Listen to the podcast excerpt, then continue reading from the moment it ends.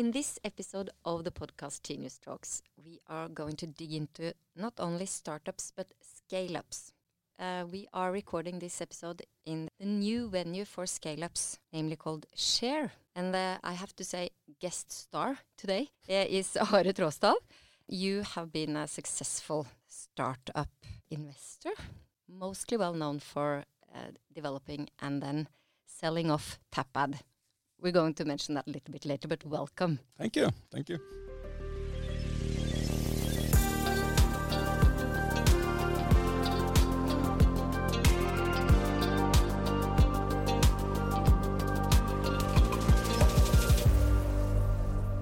But let's start with uh, with the difference between startups and scale ups.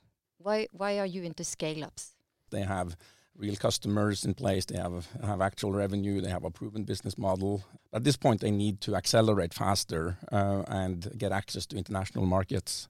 Typically, so uh, for us here, it's to help these Scandinavian companies, especially get into the U.S. Uh, market, which is challenging, difficult, uh, huge market. And if we, I can be on the receiving end on on the U.S. side and, and help them with that, uh, that would be phenomenal How can you help them? There's so many kind of areas that they need help with. Um, the easy ones are like customer introductions, credibility, the way to sell a product, market a product, adjust the, uh, the, the, products to the to the U.S. market, for instance, uh, fundraising, getting a network. It's very hard in the U.S. So if I can help with that, I've been there for 20 years now and built my majority of my network in the U.S. Let's uh, dig a little bit into that because you you developed Tapad, which is a technology for commercials where you can identify the same customer across devices. Mm. You developed it and you sold it to Telenor. Yep. If you if you're looking back, uh, what specific experiences from from Tapad are you now uh, funneling into the scale ups here in Norway? There are 4,437 venture firms uh, in the US, and they all specialize, which is I find fascinating. They, they specialize in stage or in type of technology or type of industry you're going after. So if you get one of those investors on board, uh, you're able to actually get a tremendous amount of help from them as well. How many uh, scale-ups would you say you need to have uh, to be content when you work in a year or two years' time?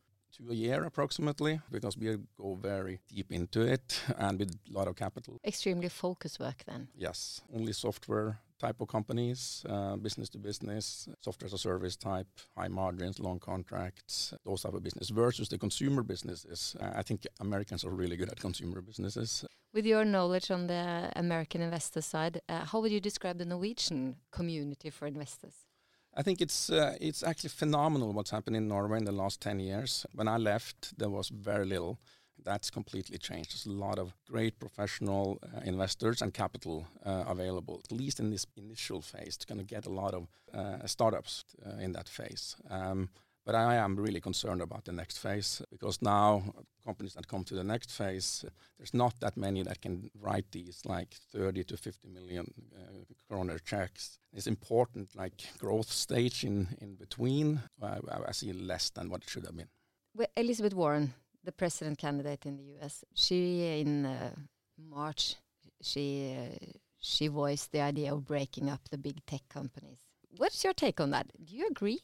Um, I do agree that the the big tech companies in the U.S. are become so powerful uh, in so many uh, so many uh, verticals in so many places of society that uh, this idea of actually breaking them up, I think, is a good one. Even if you take into consideration the Chinese tech companies. Yeah, yeah, yeah. China, then you can get scared for many other reasons. I traveled around the world for 14 months after the, the last exit, and we saw how China was building the modern Silk Road everywhere, and 65, 65 countries that are connected with ports and railways everywhere with 20 to 30 year mortgages on everything that the country has, right? So it's uh, so that's another really scary part as well. But I think so on technology companies, which I, what I believe now is that these, uh, if you think about the old Maslow um, hierarchy of needs, most of the technology companies have become big by focusing on the top of that pyramid, like self-expression, purchasing of goods, like Facebook makes their money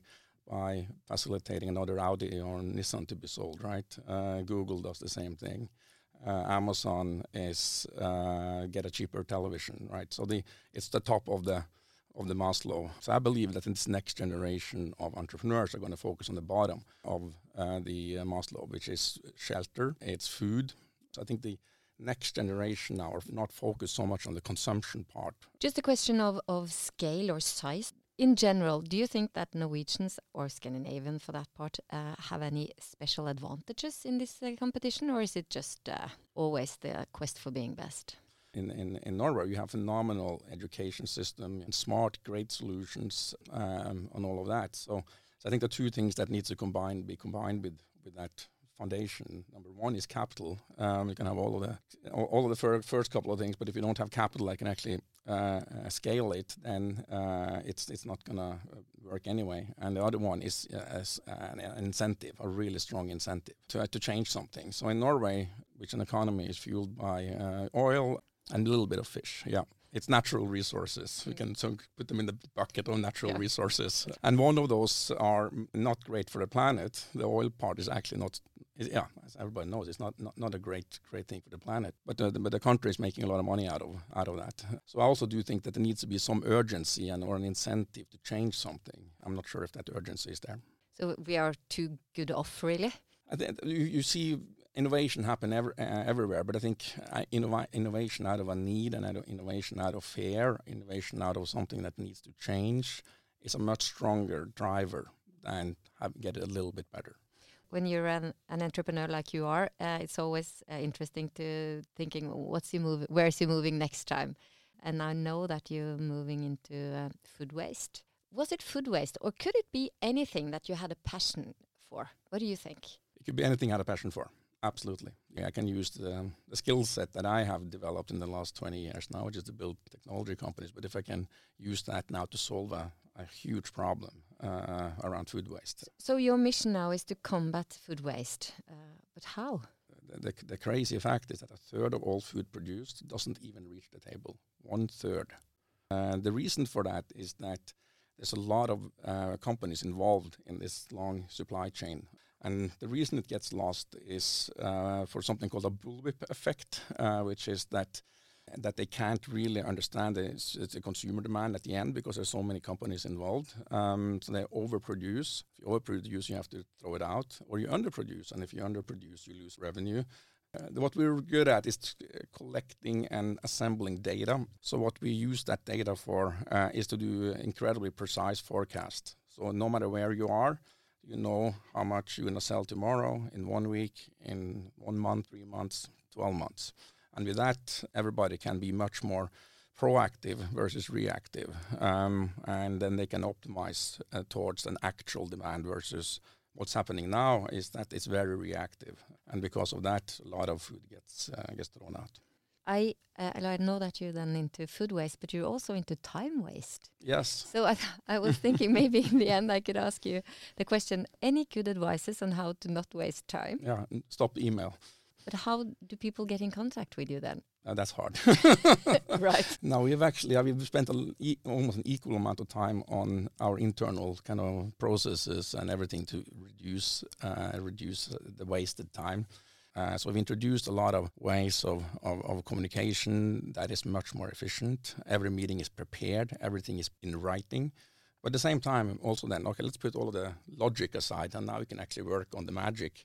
Um, because if you have an incredible st strong foundation to stand on, you also can work on the really big ideas, the, the things that are, are completely out of the box type of things. Um, and no disadvantages with this system? No, it's so easy to get caught up in more and more and more, especially after you build. Uh, people always going to get uh, want to get hold of you and want to want you to do uh, do things. And if you're spreading yourself too thin on all of that, then I can't focus on the problem I need to solve, which is how do I get technology companies successfully out of Norway into the US? That's one goal. And number two is how do I re reduce the food waste in the world? That's the two tasks that you are yep. challenging. Yeah. Well, uh, then I think that uh, we should end there so that we don't take up uh, too much of your time.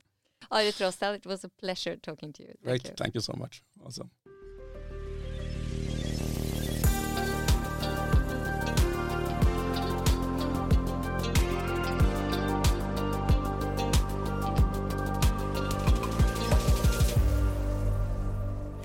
Podcast is produced by Hansine Korslien for the Tinius Trust.